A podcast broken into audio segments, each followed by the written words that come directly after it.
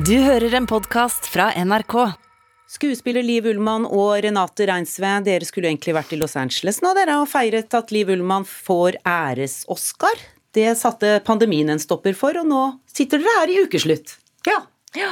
Det er like koselig, det. Ja, det er like koselig.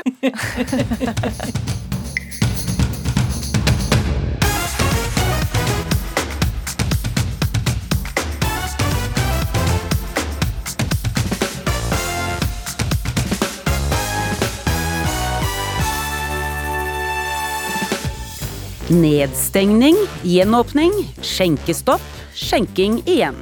Koronatiltakene kommer og går, det samme gjør viruset i diverse varianter. Hvordan skal vi forholde oss til dette? Vi får tips og råd av terapeut Dora Toralsdottir. Bildene av søppelfjell med kasserte klær i ørkenen bør få folk på andre tanker enn shopping og januarsalg, mener Jenny Skavlan. Jeg blir glad av små handleposer, jeg, svarer sosiolog Trond Blindheim. Og pandemien legger en demper på mange parforhold. Hjemmekontoret får skylda. Samboeren min liker å gå rundt i underbuksa hele dagen og spille litt og ta det med ro. Mens han er på jobb? Eh, ja. Som eh, vi hørte i Dagsnytt er mer koronasmitte enn noen gang før i pandemien. Det siste døgnet er 12 360 nye tilfeller eh, registrert i Norge, og det er mer enn 6000 flere enn samme dag i forrige uke. Helse- og omsorgsministeren sier at eh, det er akkurat som ventet. Likevel ble det iverksatt lettelser i koronatiltakene denne uka. Reporter Gunhild Viken, du er på Nordfjordeid i Vestland fylke. Der har det vært lite smitte, men restauranter og puber også der har måttet holde stengt. Hvordan gikk det der da skjenkingen åpnet i går? Jo, jeg står her på kjøkkenet på restauranten Aske på Nordfjordeid eh, sammen med kokken Espen Sandmark Heia. Eh, du var på jobb i går, Espen. Hvordan var det å åpne igjen mer som normalt? Du merker med en gang når du åpner som mat at stemninga endrer seg med en gang. Og vi, vi ser jo veldig fint fra kjøkkenet ute i salen. og Du ser det med en gang. Folk koser seg, de åpner mer opp, du er mer latter i salen. Det er, en, det er en helt annen atmosfære, rett og slett. Hvordan syns du det var, da? Kjekt. Klart vi er Vi lever jo av det her, og når det er folk som koser seg, det er det vi, vi trenger for at det skal gå unna. vi. Dere har jo eh, vært gjennom mange restriksjoner eh, de siste to årene. Hvordan har det vært? Det er tungt. Vanskelig. Eh, det setter jo store, setter jo store problemer på hvordan vi driver den daglige drifta vår. Klart Det er vanskelig å forholde seg til, fordi en dag så har du lov til det her, men plutselig så kuttes en sesong i to, og så må vi omstille og snu hele skipet. Så klart at det, det er en enorm utfordring. Det er det. Dere har måttet permittere folk også? Ja, helt i starten av 2020 så måtte jo vi også permittere, og siden det så har bare vært sånn at liksom, vi har måttet nedbemanne kraftig for å holde det gående. Ja. Nå er det jo mye smitte igjen. Er du redd for at det blir en ny runde med restriksjoner og nedstenging? Det, vi må bare forholde oss til det sånn som det er, men uh, jeg begynner jo å føle at folk uh, er klar for at det skal være slutt, og det er ikke like, like mye bekymring ute og går, da, virker som i hvert fall blant gjestene våre. Sånn, at, eh, sånn sett så ser vi positivt på det, men vi er alltid forberedt på at snart må vi forholde oss til nye regler igjen. Fordi det har vi jo lært nå de siste to årene, at det går fort å snu om. Men du syns det begynner å bli tungt? Ja, det gjør det jo absolutt. Fordi det er enormt masse arbeid som går i bare det å forholde seg til hva som gjelder. Etter en pressekonferanse så sitter jo alle vi på huset i timevis for å si OK, hva var det egentlig vi fikk høre nå? Hvordan skal vi forholde oss til det her? Hvordan skal vi gjennomføre en service vi har jo også vært veldig bestemt på at vi skal ikke stenge. Så I verste fall så har vi hatt åpent kun for takeaway, men ellers har vi ikke hatt stengt pga. pandemien en eneste dag. Og det krever enormt masse av oss, da. Det gjør det. Det er altså her som eh, ellers i Norge. Folk lengter nok etter en mer normal hverdag etter snart to år med pandemi. Takk skal du ha, Gunhild Viken fra restauranten Aske på Nordfjordeid. Det har aldri vært så mye smitte i Norge som nå. Likevel ble det lettelser i koronatiltakene denne uka. Det blir grønt nivå på videregående skoler, ikke lenger nasjonale krav om gult nivå i skoler og barnehager. 200 personer får delta på innendørsarrangementer med henviste plasser. Det blir skjenking igjen, som vi hørte, og det blir lettelser i karantenereglene. Men til tross for dette, det er fortsatt mye frustrasjon der ute. Det er veldig kjipt at eh, vi ikke kan på en måte sånn i offentligheten ha like mye sånn samlinger som vi hadde før, for det var jo veldig gøy. Jeg bare går og venter på å få det, så er jeg ferdig med det. Ja, du gjør det. Jeg møtte, hadde møte med en som hadde akkurat hatt det i dag. Jeg kunne gi henne en klem. Jeg, jeg har vært uten jobb et år, og ja, det skjer jo ingenting. Blir dere deppa av det, eller tenker dere sånn det kommer til å bli sånn som det var en gang? Har dere troen på det, eller er det litt Jeg tror alt- egentlig ikke det. Jeg føler at det ikke kommer til å gå helt tilbake til sånn det var før. Nei, jeg har litt troen på det, men jeg, jeg tror det kommer til å ta lang tid.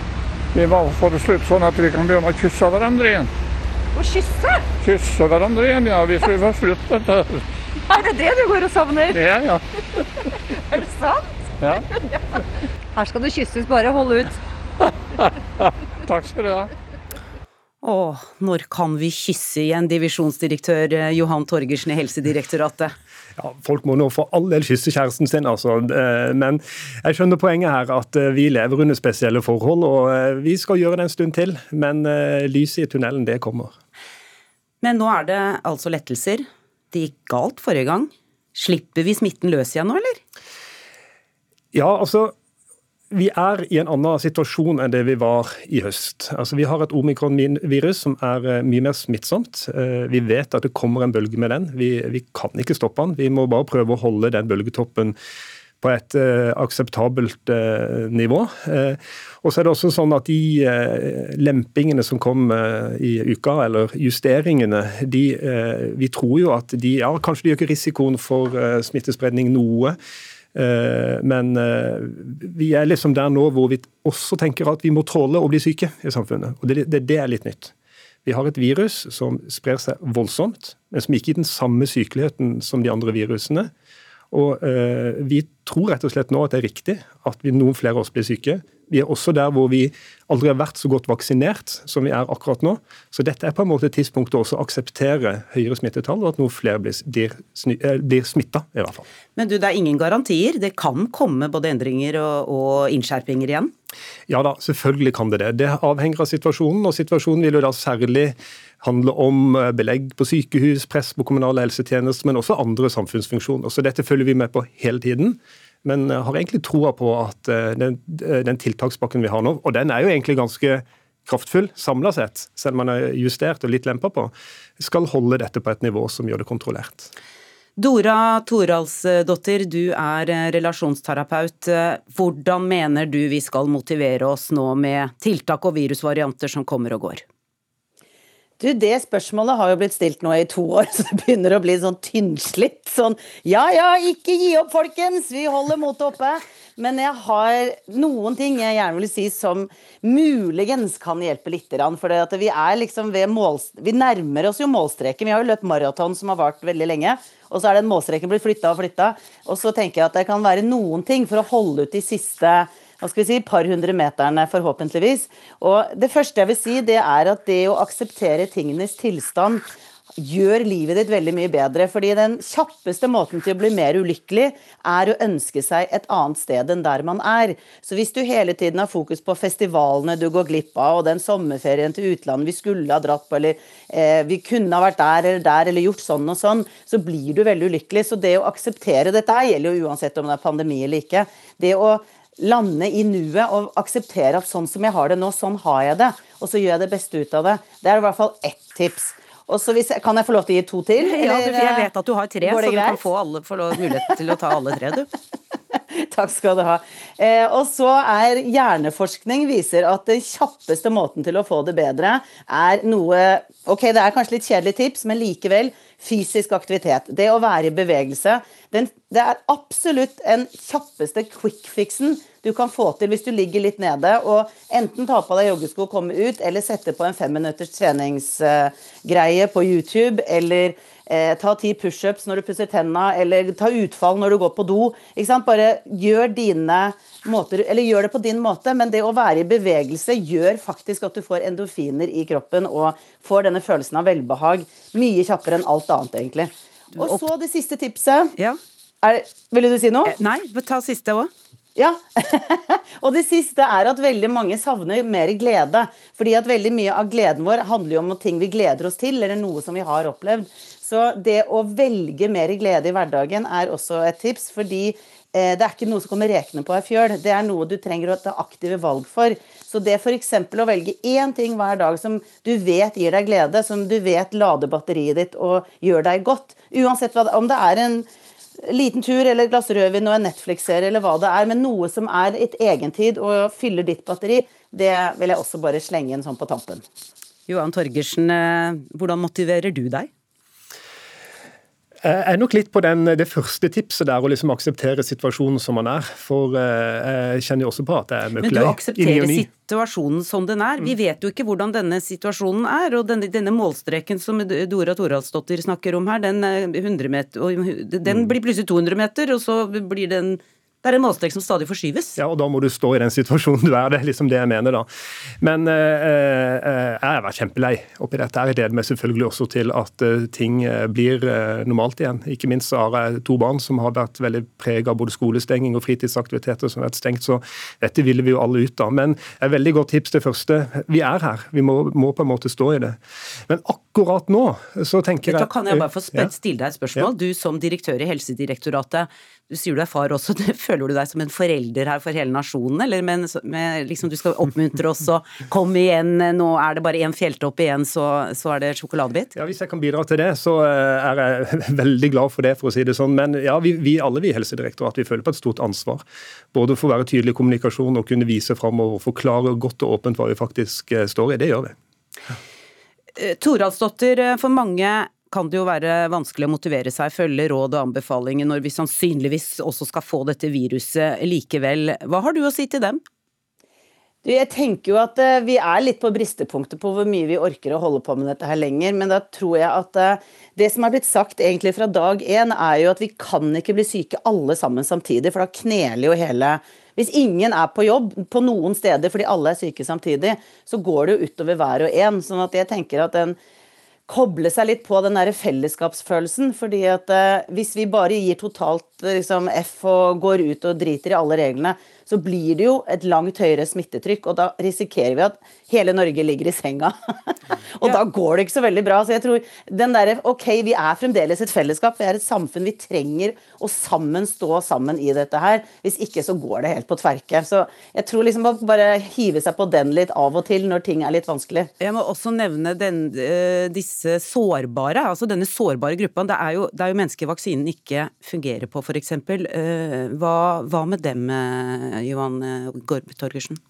Ja, altså Det er en gruppe som fremdeles eh, vi må eh, tenke mye på. For du har helt rett, det er noen som vil tåle å bli smitta mye dårligere enn andre. Der vil jeg også henstille til det kollektive løftet her, egentlig. Altså når, og Jeg er veldig enig i det som blir sagt om at det er et, det er et kollektivt løft, dette her. Både for å holde smitten på et akseptabelt og riktig nivå, men også pass, sørge for at de sårbare ikke blir for hardt rammet av dette. Til slutt, eh, Dora. Eh, du mener det også kan være en motivasjonsfaktor at korona faktisk har bidratt til noe positivt, du? Ja, det er jo nesten forbudt å si. For det er så mange som er lei. Men jeg tenker jo, hvis vi skal være litt ærlige, så tror jeg det er noen fordeler, da, hvis vi skal være litt sånn, eh, prøve å se det positive her. Det ene er at jeg tenker at vi blir jo langt mer takknemlige som mennesker etter dette her, i forhold til muligheten til å møtes og være sammen. og eh, Det å ta et glass vin med noen venner, eller bare gå ut og oppleve liksom, show, eller hva det er, at det blir liksom litt magisk plutselig. At alt som er sosialt og trivelig og moro, får liksom ti hakk mer sånn entusiasme i, fordi at det er så lenge siden og vi savner det. og Vi er jo flokkdyr, vi trenger hverandre.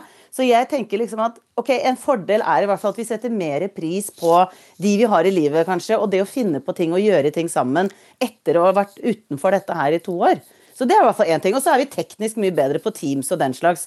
Eh, og det var jo et kollektivt løft teknisk i hele landet på samme uke omtrent, i mars 2020 aldri så gæli at det ikke er godt for noe, er det noe som heter. Takk skal dere ha, Dora Toralsdottir og Johan Torgersen.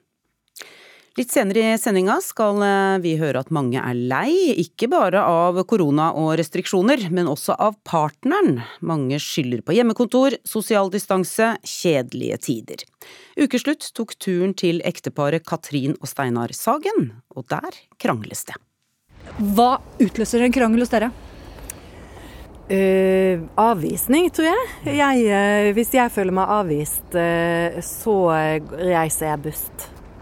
Hvis jeg, hvis jeg, kommer hjem og er sliten, og så er det sånn OK, det er, ikke, det er masse, masse sånn ekle ting i, i kommen f.eks. Og så sier jeg ja ja, det er ingen som skal Hva skal dette her? Som passiv, pass, som passiv aggressivitet, ja, syns ikke jeg. Ikke, du hører det ikke hva jeg sier, men du hører at det er noe mumling. Absolutt. Da blir, du, da blir du sur. Og ja. Ti år er gått siden Anders Behring Breivik ble dømt for å ha drept 77 mennesker. Neste uke står massemorderen i retten igjen, med krav om prøveløslatelse. Og kanskje gjør han en nazihilsen som forrige gang. Denne gangen kommer vi også til å få høre Breiviks stemme, for forklaringen hans skal filmes av NTB. Olav Døvik, du er krimreporter her i NRK. Først av alt må vi få en forklaring på hvordan det kan ha seg at Anders Behring Breivik, som ble dømt til 21 års forvaring, kan kreve seg prøveløslatt etter knappe ti år. Det skjønner jeg at mange syns er veldig rart og vanskelig å forstå, men det er en rett han har. Han ble dømt til 21 års forvaring med en minstetid på ti år, og nå har de ti åra gått. Og da er det sånn at Når man blir dømt til forvaring, som egentlig er en tidsubestemt eh, straff, altså man vet ikke hvor lenge han skal sitte inne, så har eh, lovgiver da putta inn en garanti, en rettssikkerhetsgaranti, om at domstolen da ved at han ber om å bli prøveløslatt, skal eh, vurdere om han fortsatt er farlig. Og Det er det som skjer nå, og det er det han da benytter seg av. Denne retten til å si at jeg er ikke farlig lenger, nå kan jeg bli løslatt. Men det mener jo påtalemyndigheten at han fortsatt er. Eh, og Derfor sier de nei, det er ikke aktuelt å løslate han, og da blir det rettssak. Ja, altså med 77 drap på samvittigheten så er det jo ingen mulighet for at han slipper ut, og det, det skjønner han vel eh, kanskje sjøl også. Hva vil han kunne oppnå med denne rettssaken rundt prøveløslatelsen da?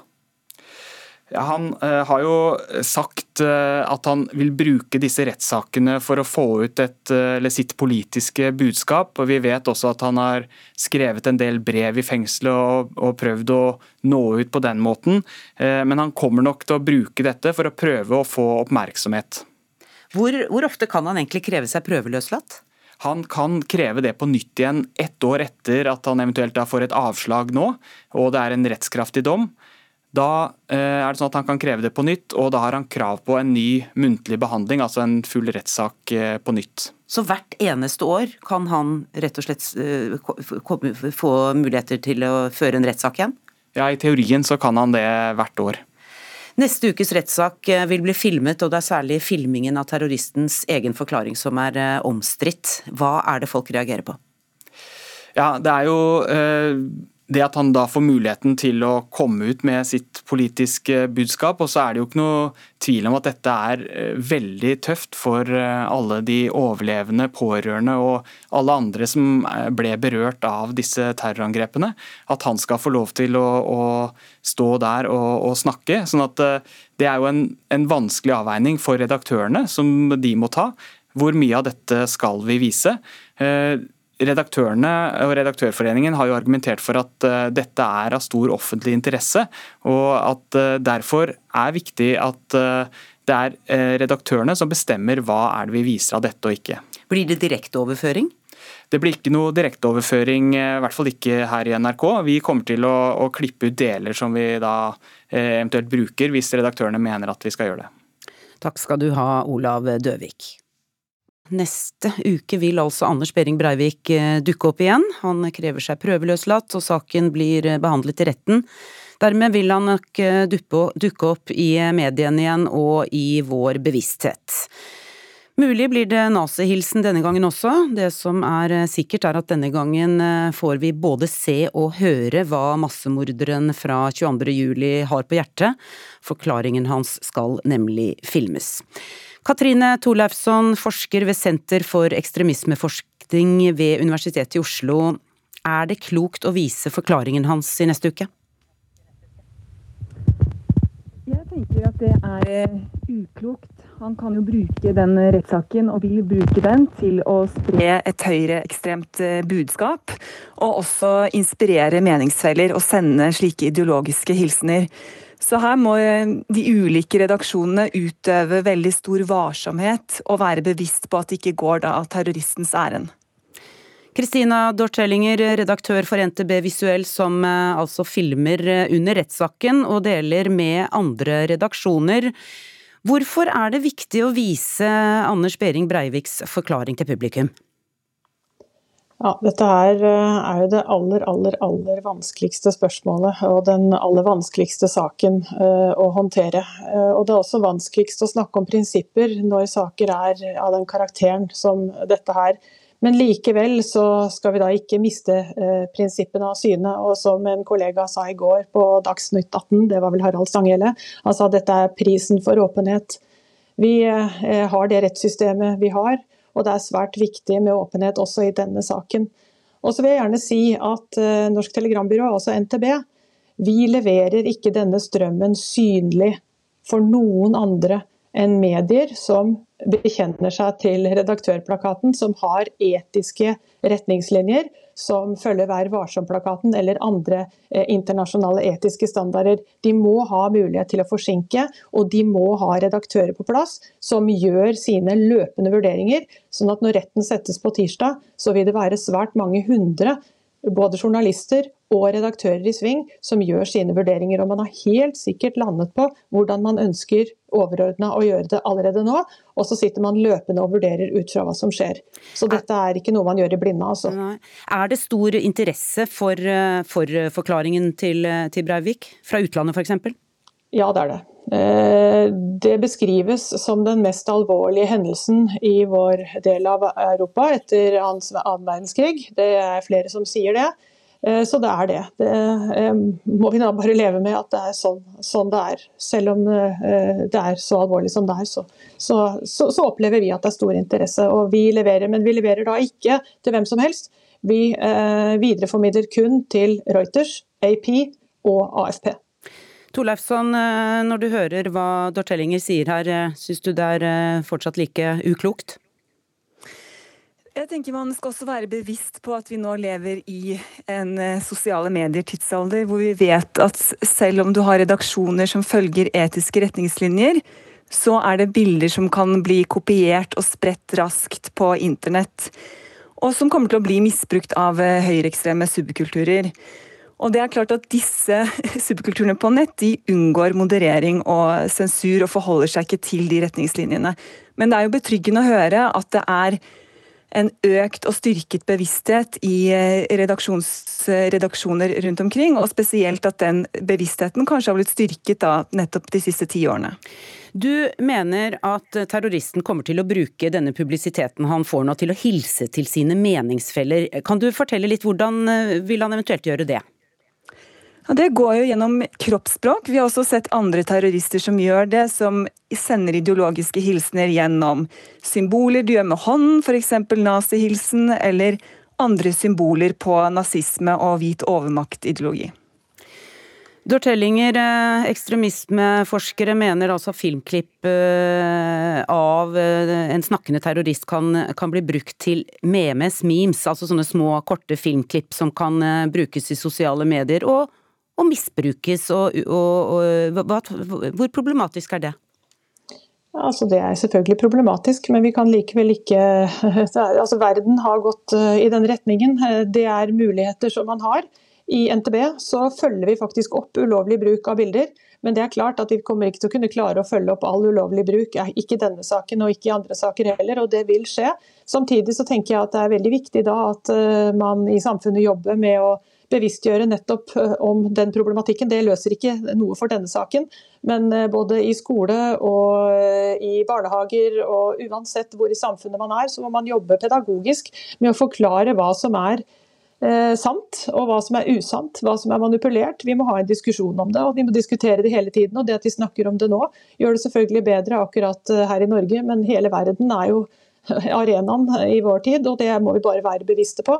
Samtidig så kan vi da eh, ikke la være å følge åpenhetsprinsippene. Vi kan ikke la være å vise fram hva som skjer i verden, fordi om ting kan være misbrukt. Da er det heller viktig å opplyse og drive med åpen diskusjon.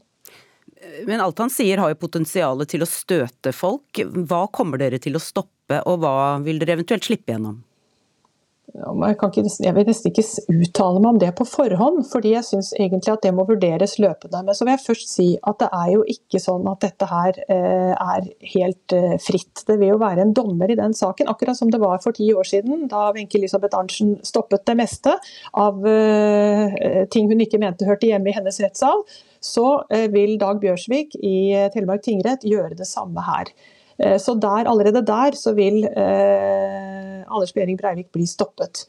Og så vil det være at vi eh, kontrollerer det som kommer ut, og vurderer hvorvidt vi skal ta det videre. Men NTB leverer da som sagt til norske og internasjonale medier, og det er de enkelte redaktørene der som i tillegg til forsinkelse gjør sine vurderinger. Men jeg har ingen signaler om at noen norske medier kommer til å slippe dette helt fritt uh, ut. Og så må jeg si at Det er ikke så veldig mange norske medier heller som kommer til å ta dette videre. Det er kun de som har verktøy og uh, tekniske muligheter til å forsinke.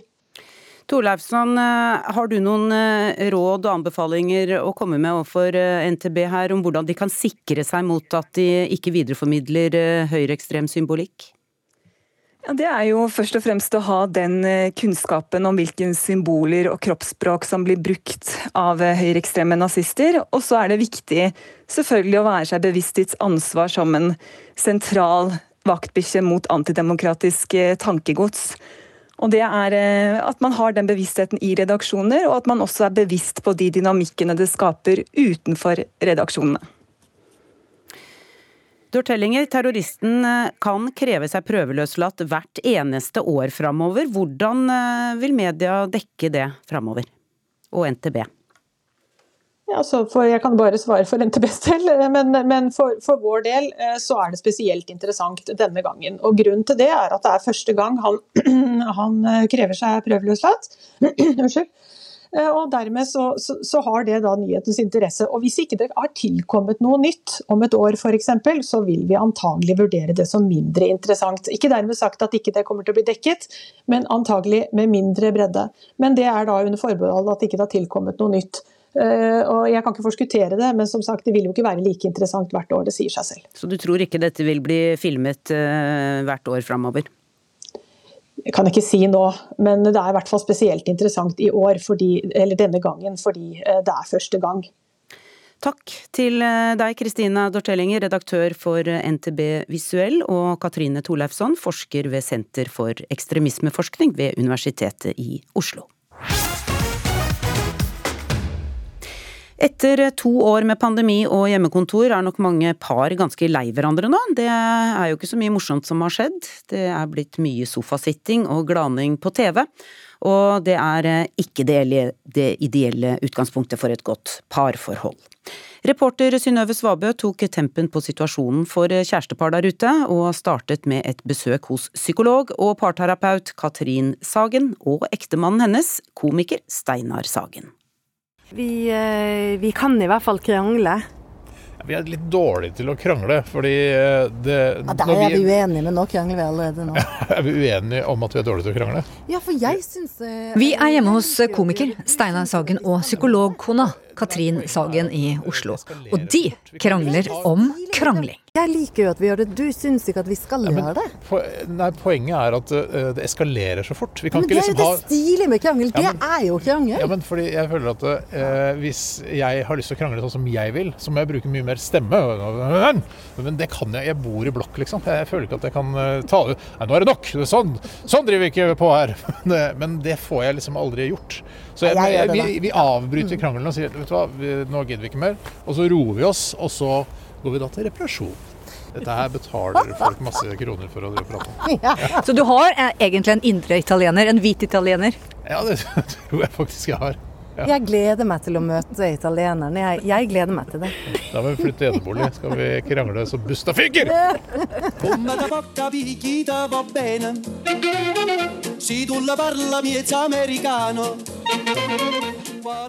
De har vært kjærester i over tolv år og gift i snart syv. Og denne uka så kom ekteparet med boka Fra ligging til legging.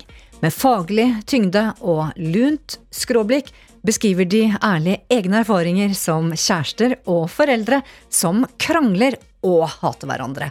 Akkurat som alle oss andre. For de er langt fra alene om å krangle.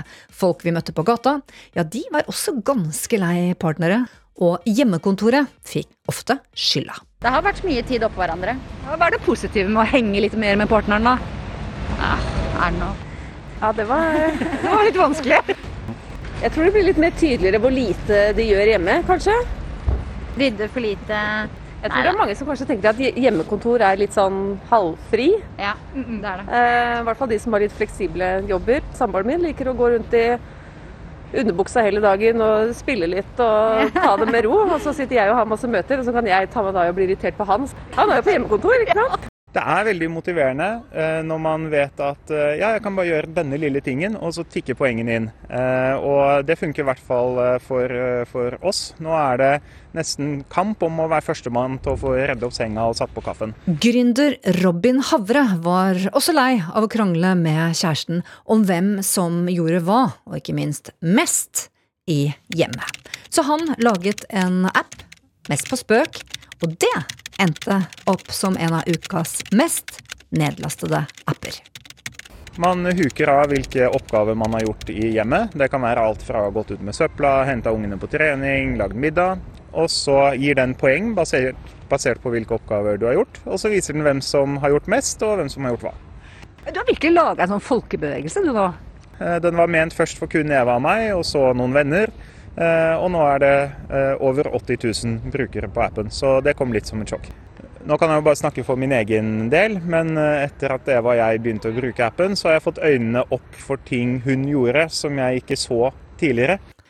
Det krangles og det krangles, men mot alle odds så viser skilsmissetallene fra 2020 at pandemien så langt ikke har ført til forventet skilsmisseskred, etter at mange av oss har levd da tett med en partner og barn på hjemmekontor, med de utfordringer som rot og unger har på samlivet.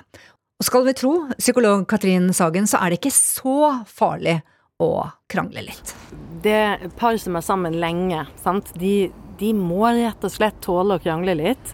Eh, og øve seg på å trygge hverandre i at selv om vi krangler, og selv om jeg syns at du er skikkelig dust akkurat nå, så vet jeg at det er deg jeg vil være med.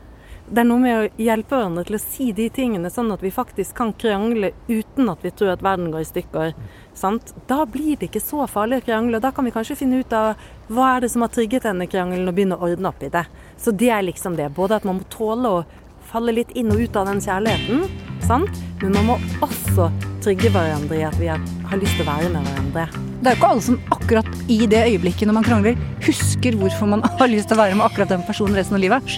Nei, og det er øvelsen, dessverre. Å liksom prøve å tillate seg å kunne Man må kunne tillate seg å synes at den andre er skikkelig dust. For vi kommer ikke unna det, liksom. Det er ingen som er sammen over lang tid og aldri syns at den andre er motbydelig innimellom. Jeg Syns jeg er dust og motbydelig innimellom? Ja, litt. Ja. Men ikke mest, og jeg vet at jeg vil være med deg likevel. Det er 50-50.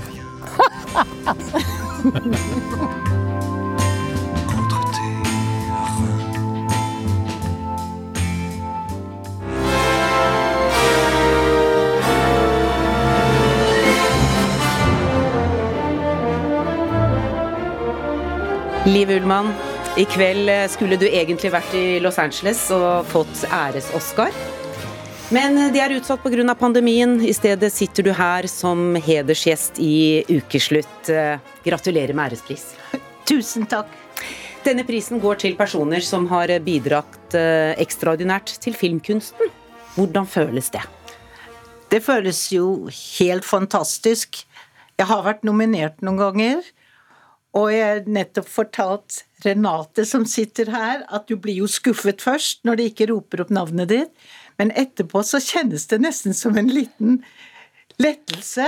For det er veldig anstrengende plutselig å være vinner, og alle skal på deg. Og du kommer inn, og da vil alle ha autografen, men når du ikke vant, så kan du gå ut ganske rolig, og ingen spør om noe. Du, Før vi går videre, vi har besøk av enda en eh, filmstjerne. Du nevnte Renate. Det er altså Renate Reinsve. Hvordan vil du presentere henne, Liv Ullmann? Jeg har sett i verdens ekleste pike, men det er ikke det den heter. Hva heter den? Verdens verste menneske, men det er jo inne på samme ja. tematikk. For du var ikke ekkel, og du var ikke verdens verste. Det var merkelig å se, og jeg syns det var modig det du gjorde. For i begynnelsen tenkte jeg å ja, hun er sånn. Ja, men er det så interessant? Hun vil ikke det og er ikke sånn. Og plutselig så har du gjort noe fullt av mot. Plutselig blir du dratt inn, for noe skjer med deg, noe hender i ansiktet. En modenhet, en forståelse. Hun blir sårbar, hun blir sint, hun blir alt dette. Eh, jeg syns det var en kjempefin eh, performance. Og det, Renate Reinsve, du er også vår nye stjerne på filmhimmelen. Du vant prisen for beste kvinnelige skuespiller på festivalen i Cannes i 2021. Og det er mm. altså for uh, denne rollen som du beskriver her uh, i uh, Liv Ullmann, i Joachim Triers film 'Verdens verste menneske'. Dette er første gang du møter Liv Ullmann. Du skulle egentlig vært med på utdelingen i Los Angeles kveld, du også? Mm, ja, det er veldig hyggelig å få være her og feire deg i dag, da siden vi ikke får vært i USA. Men jeg skulle jo egentlig da sitte på ditt bord og feire at du mottar pris. Så det var fint å gjøre det her nå, da. Liv Ullmann, du får denne prisen for ditt mot, dine følsomme filmportretter og for hvordan du viser følelser overfor publikum. Hvorfor er det så viktig å vise følelser på film? Det er så viktig å vise følelser i det hele tatt, å ha empati. Og det føler jeg ikke bare som mennesker, men også selvfølgelig som skuespiller også. At du legger merke til hendene, uttrykket, dette å være, å være annerledes og være på den andre siden. Renate Reinsve, hva har du lært, eller hva lærer du av Liv Ullmann? Nei, det er det å være Ja, stå åpen og sårbar i eh, Som du har gjort så mye i rollene dine. Og um, altså Følelser er så komplisert, og det er så mye lag, og den eh, eh, verden som du portretterer Du forteller så mye om den og det å være menneske gjennom hvordan du jobber, og det lærer man jo altså ikke bare som skuespiller, men som menneske av å se.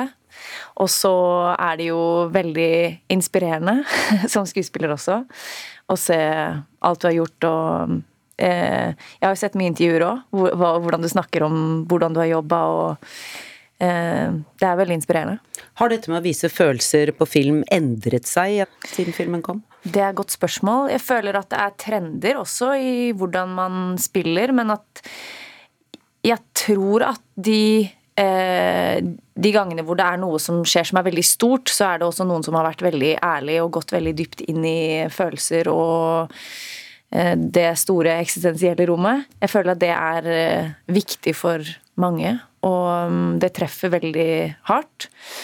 Og så er det jo masse andre grader og versjoner av å være skuespiller også, men jeg føler at man hele tiden går tilbake til det.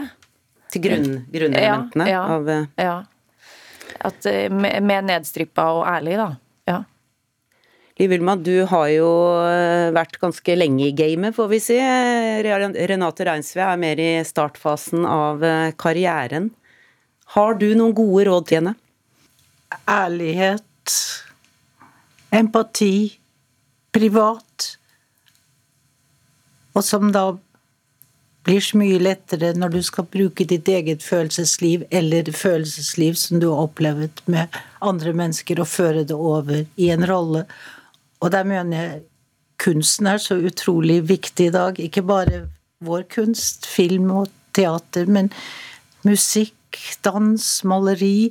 Alt dette som kan gi mennesker et håp og en glede og en, en forbauselse over at det finnes noe som ligger utenfor, eh, noe som er, er viktigere, der hvor det drømmene finnes, der hvor forelskelsen og forundringen og gleden og sorgen og raseriet og vreden alt dette Hvis vi ikke noen forteller oss dette, hvis det ikke fins ord, ikke fins bøker eller noen ting, så er det et veldig fattig liv. Og derfor syns jeg at vi er veldig privilegerte som får ha et sånt yrke. Og derfor skal vi være også veldig forsiktige med hva vi gjør med dette yrket. Mm. Nå er det jo mange, jeg regner med du selv også, Renate Reinsve, og hele Norge ønsker jo at uh, du får en Oscar-nominasjon og ender med en Oscar. Har du noen gode råd i så måte, Liv Ullmann? Hva kan hun gjøre for å få en Oscar? Ja, det blir jo veldig gøy, da. At to mennesker fra Norge uh, får en Oscar på samme gang. Det er bare å og ikke bli innbilsk og tro at du er mer enn hvem du er. Men det, er det, det er det som er trikset, tror jeg. ikke ta det, helt inn. Og jeg må si, når jeg fikk denne æres-Oscaren, jeg var litt nede. Og så plutselig, midt i det hele, så får jeg en telefon og så Å ja, jeg er guvernøren i Oscar-guvernøren, og, og, vi har tenkt Og det var liksom en dagligdags samtale. Og jeg ble så utrolig glad. Ja. Og, og, jeg tror at det eneste som du skal tenke på hvis, hvis dette fantastiske skjer deg, eh, vær utrolig glad og takknemlig og bruk det på, på beste måte. Vi får se. Vi får se. Mange fikk eh, da NRK viste svære søppelhauger av overskuddsklær i Atacama-ørkenen i Chile. Bare det siste året har nærmere 40 000 tonn brukte moteklær havnet her i det tørreste området i verden. Jenny Skavlan, du er programleder, medeier i gjenbruksappen Tice, og ikke minst syentusiast. Ja, det kan du si. Hvordan reagerte du da du så denne søppelhaugen? Det er jo et, et, forferdelig syn, men for oss som jobber med å fremme gjenbruk og et mer bærekraftig klesforbruk, så er det også fantastiske bilder. For det er jo et veldig visuelt eksempel på vårt eh, overforbruk og hvor skadelig det er. Du mener jo at vi kan bli flinkere til å reparere klær. Tar du en utfordring nå? Eh, alltid. Jeg har en uh, bukse her som ja. har noen rift i seg et øyeblikk. Spennende. Og her har du symaskin. Jeg, eh, dere har rigget opp en symaskin til meg her. Og her ser jeg nå en eh, tynn treningsbukse. Eh, stoffet har ikke stretch, eh, og det er noen små rifter i det. Og da vil jeg prøve å finne et stoff som ligner på dette. Det har dere funnet fram for meg. Og så vil jeg klippe ut biter som dekker disse hullene. Legge bitene oppå, sette et par nåler, og så sy med brede sikksakksting eh, over der hvor eh, hullet er så skal du få en helt fin bukse når denne, denne, dette punktet er over. Da slipper den å havne på søppelhaugen i Chile. Trond Blindheim, du er sosiolog og dosent ved Høgskolen Kristiania. En søppelhaug av brukte klær. Vi elsker å shoppe, og mange har det som hovedinteresse, faktisk. Dette ja. har du forsket på og skrevet bøker om. Hvorfor ja. shopper vi? Nei, det er mange grunner, veldig mange grunner til det. Men uh, en av de tingene som trigger shopping, det er selvfølgelig reklamen. Og det er jo slik at Hver fjerde massekulturelle ytring en ungt menneske blir utsatt for, er en reklameytring som forteller at du kan kjøpe noe nytt og moderne.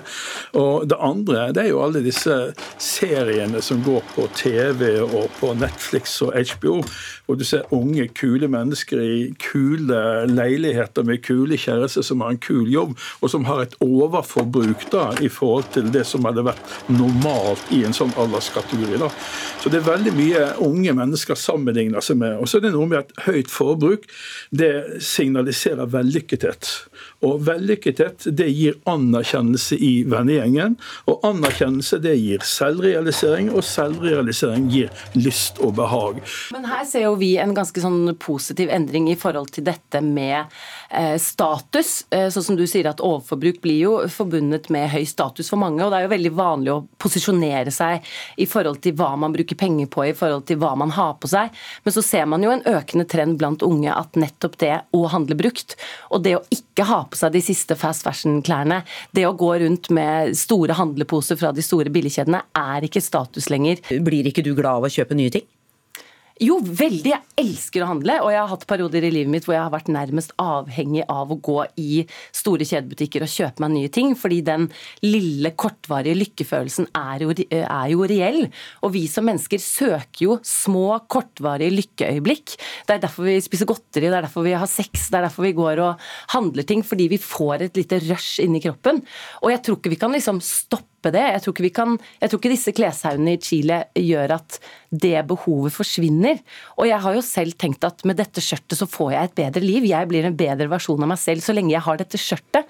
Så jeg har jo bare overført det til um, andre ting. Det å eh, reparere noe, det å stryke en skjorte som ligger sånn krøllete nederst i, i strykekurven, kan skape følelsen av at du har noe nytt og fresht, på en måte. Mm. Følelsen av glede, Blindheim, er det noe du har kjent?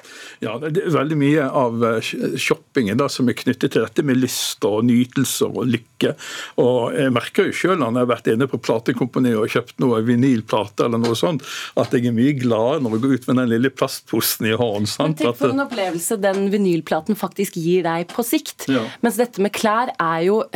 Tenk på hva som har skjedd med et plagg før det havner i dine hender. da. Altså, Vi har hentet opp gjerne olje fra innerst i jordkloden, og vi har skaffet knapper herfra. Derfor har det blitt sydd på den andre siden av jorden for å sendes hit med svære tankskip for at du skal bruke det plagget én eller to ganger. Det er jo det vi ser nå med dette med fast fashion som koster så lite og er så ufattelig tilgjengelig. Du, du må sette i gang med syinga, du, Jenny. Det er vanskelig å høre og sy samtidig. Glede og forskning og på shopping, eh, Blindheim er det bare Den er jo veldig kortvarig, den gleden. Ja, det er det. For du blir alltid minnet på at det er kommet noe som er nytt, og noe som er enda bedre enn det du kjøpte sist. Og eh, jeg har det litt sånn, for jeg er veldig glad i musikk og stereoanlegg, og jeg er veldig glad i å se på konserter på TV og, og sånt. da. Så, så, jeg kjøper mye sånn som eh, jeg strengt tatt ikke hadde trengt å kjøpe.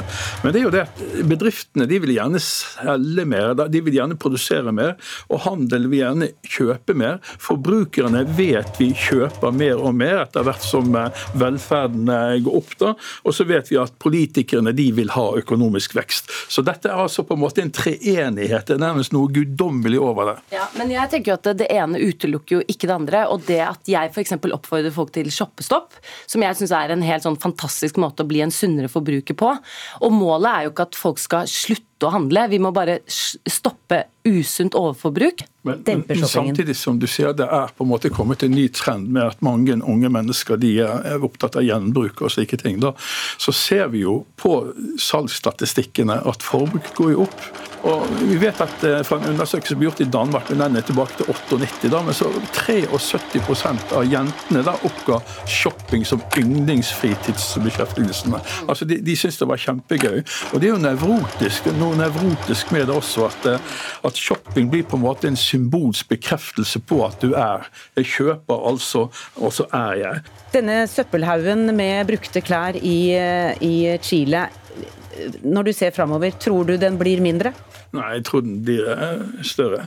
Eh, nettopp fordi at eh, vi ser det at velstand det resulterer, altså Effekten av det er at folk bruker mye mer penger på, på shopping. da. Og så er det mange grunner. Vi vet at særlig unge mennesker de bedømmer jo hverandre så å si på, på hva de har. Sant? Vis meg hva du har, skal fortelle deg hvem du er. Og den som har skaffet seg flest nye merkevarer før de dør, på en måte har, har vunnet i dette kappløpet som er der ute. Men jeg tror angsten og frykten og skammen for ikke å ha de riktige tingene, er også med på å, å trigge Den kjenner kanskje du til også, Jenny? Ja, men Det er derfor vi må gjøre brukt til den riktige tingen.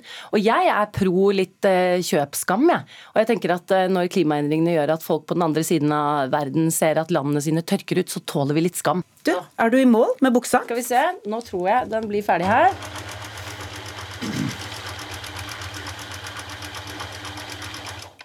Sånn. Vær så god. Jøss. Yes. Den er god som ny. Den skal i hvert fall ikke havne på søppelhaugen i Chile. Bra. Da har jeg redda ett plagg av 40 millioner. Hvem blir den neste sentralbanksjefen? Det blir heftig diskutert om dagen, og i den forbindelse er det et par middager og en gåtur som har fått eh, stor oppmerksomhet. Jonas Gahr Støre bedyrer at han ikke ikke diskuterte sentralbanksjefjobben på sin gåtur med kameraten Jens Stoltenberg. Men da Stoltenberg var på middag hos sønnen til Gro, Knut Brundtland. Da ble stillingen diskutert, ifølge Aftenposten. Og i den middagen var også sjefen for oljefondet, Nicolai Tangen. Merete Bø, vinanmelder i Dagens Næringsliv. Det fins ikke noe sånt som en gratis lunsj, heter det, men hvor viktig er da en middag? Jeg tipper at det finnes ikke så mye som en gratis middag heller.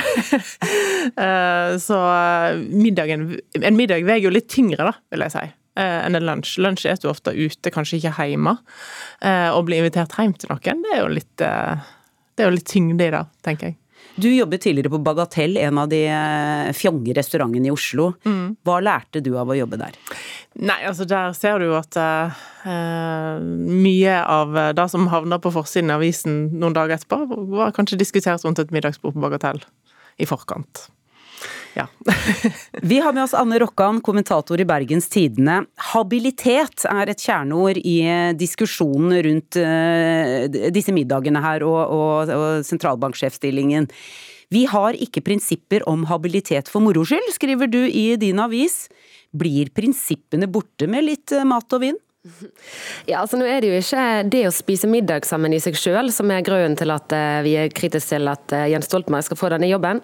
Det vi er redd for er jo at når du har gode venner, så kan det kanskje påvirke hva, hvilke upopulære avgjørelser du tar i jobben din. Og det er ikke sånn at habiliteten forsvinner med en gang du spiser middag med noen. Det er vel tvert imot det at det å være så nære at man spiser middager sammen eh, flere ganger, eh, det er vel et tegn på at man er gode venner. Og så gode venner skal kanskje ikke sitte liksom, eh, på hvert sitt kontor, Stortinget og, eh, og, som statsminister og som sentralbanksjef, når de, må ta det som kan være upopulære avgjørelser på den andres bekostning. Det er litt vanskeligere hvis du spiste middag sammen eh, kvelden før. Men, men du, hva er det du egentlig reagerer eh, på her når det gjelder disse middagene? Nei, som sagt så er det ikke middagen i seg selv som er problemet, men de er et slags symptom. eller at eh, De viser jo da at eh, disse, denne si, gruppen med menn er veldig nære. Og Det vi er redd for er jo rett og slett eh, La oss si at det nærmer seg valg, og samtidig så er det ting i økonomien som tyder på at renten bør økes litt. Og Det å øke renten det gjør jo at ting blir dyrere for folket. og det, Da blir vi misfornøyd med, med, tingenes tilstand. Og Det er det siste Jonas Gahr Støre vil rett før et valg. Sant? Da vil han ha en lykkelig befolkning som tenker at det går så det suser med Støre. Og da, Hvis Jens Stoltenberg da er sentralbanksjef og ikke hever renten, så kan det godt hende at det er en riktig avgjørelse, men vi vil jo alltid begynne å lure. Var det for å gi Jonas, hans nære venn, en liten dytt? Og sånn, Vi skal aldri trenge å være i tvil. Og Det er ingen som mistenker at eh, verken Støre eller Stoltenberg har eh, onde hensikter her, men poenget er at vi skal ikke tro, vi skal vite. Jens Stoltenberg var altså på middag hjemme hos Knut Brundtland sammen med Nicolai Tangen, eh, sjefen for oljefondet. Det var for et år siden, og de snakket litt om jobben som sentralbanksjef, blant annet. Merete Bø, hva tror du verten, altså Brundtland, bød på? Eh, nå kjenner jeg ikke han på noen måte, men han har uttalt i et intervju at han drikker kun Montrachet. Eh, og det er jo eh, verdens dyreste hvitvin, så da spørs jo litt hva, hva, du har som hensikt. Hvis du, du veier jo alltid ditt publikum eller dine gjester litt eh, opp og ned. Hva Har de peiling, har de ikke? Vil de sette pris på dette her, har de ikke? Nå er nok sikkert Tangen, Stoltenberg og Støre vant til litt forskjellige ting. Stoltenberg, etter sånn som jeg har skjønt, er veldig glad i en øl og er ikke så fin på det. Eh, Støre Det blir å kaste perler for svin å invitere han på den dyre ja, hvitvinen til Brundtland, da? Ja, det vil kanskje være det. Det er kanskje ikke sånn at han hadde blitt så imponert over det, men kanskje mer imponert over en kortreist øl. Eh, men, eh, men Tangen tipper jeg har ganske litt mer dyrere vaner som Brundtland kunne, kunne, kan gjenkjenne litt mer, da. Ja. Du, statsminister Jonas Gahr Støre er altså venn av Knut Brundtland, og, Brundtland, og Jens Stoltenberg er venn av Støre. Hvis vi tar disse tre Arbeiderpartifolka her, hva slags vintyper er de? Ja, det er Støre har jo et uh, intervju sittende hjemme på kjøkkenet sitt uh, før han ble statsminister, vel å merke, der det står en uh, tysk Riesling på kjøkkendisken, en Jegermeister og en Bordeaux. En rimelig Bordeaux, vel å merke, men jeg, tenk, jeg, har alltid tenkt på det bildet der, er, var det staged, eller var det drikkevanene hans? I så tilfelle så er han jo konservativ. Eh, men jeg tror ikke han er så drikkfeldig på noen måte. Jeg tror han er liksom avmålt i forhold til alkohol, men jeg eh, Ja. Og eh, Brundtland og Tangen tenker jeg er litt mer eksklusive i vanene sine. Mens Jens Stoltenberg har vokst opp hjemme på kjøkkenbordet til faren og mora, og der har det nok blitt diskutert ganske mange politiske beslutninger opp gjennom årene, og litt mer ja, Litt mer øl enn vin? Ja, litt mer øl og sild enn vin. Anne Rokkan, jeg, jeg, har lyst til å snakke om forelskelse, for det skriver du om. At det er en forelskelse vi er vitne til eh, når det gjelder uh, dette her og ansettelsen av uh, Ja, både ansettelsen av Nicolai Tangen og nå eventuelt Jens Stoltenberg som kandidat til sentralbanksjefjobben. Hva mener du med det? Ja, altså, Jeg blir jo litt forundret.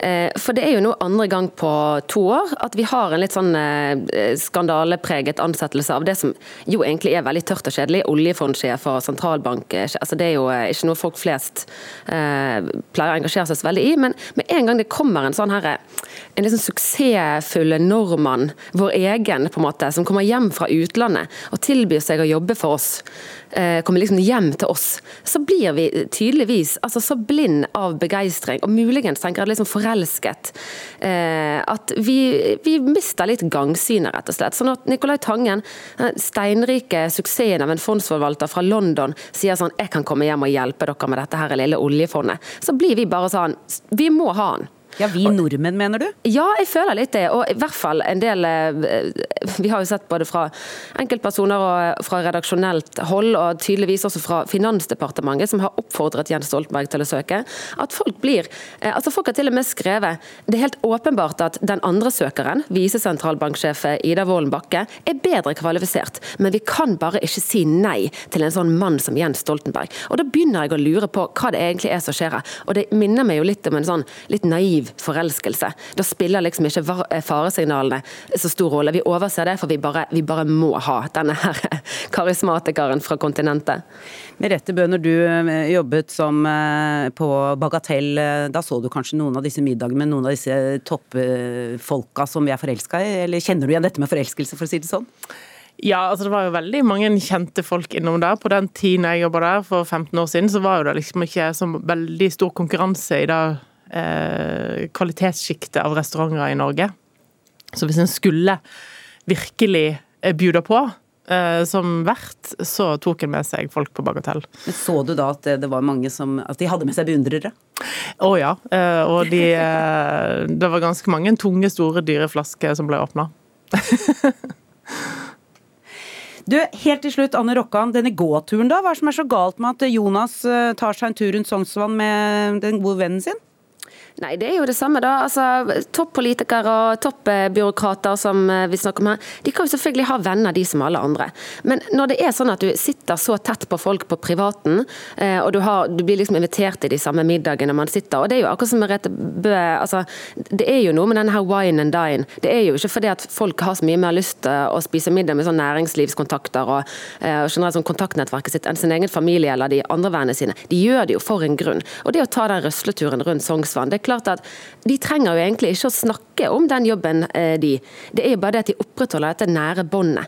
Og det er helt greit å ha venner også blant måte, den, det toppsjiktet der, men hvis du velger å være veldig nær venn med en du skal måte, ta avgjørelse på vegne av som sentralbanksjef, så er det ikke sikkert at du kan bli sentralbanksjef. Det er ikke, eh, altså Jens Stoltenberg må gjerne ha mange venner, men da er det ikke sikkert at han kan få enhver jobb. Du, Da må jeg sette strek. Takk skal dere ha, Merete Bø, vinanmelder i Dagens Næringsliv, og Anne Rokkan, kommentator i Bergens Tidende. Ansvarlig for ukeslutt i dag var Sara Victoria Rygg, teknisk ansvarlig Hilde Tosterud, og her i studio Kari Ørstavik. Du har hørt en podkast fra NRK. De nyeste episodene hører du først i appen NRK Radio.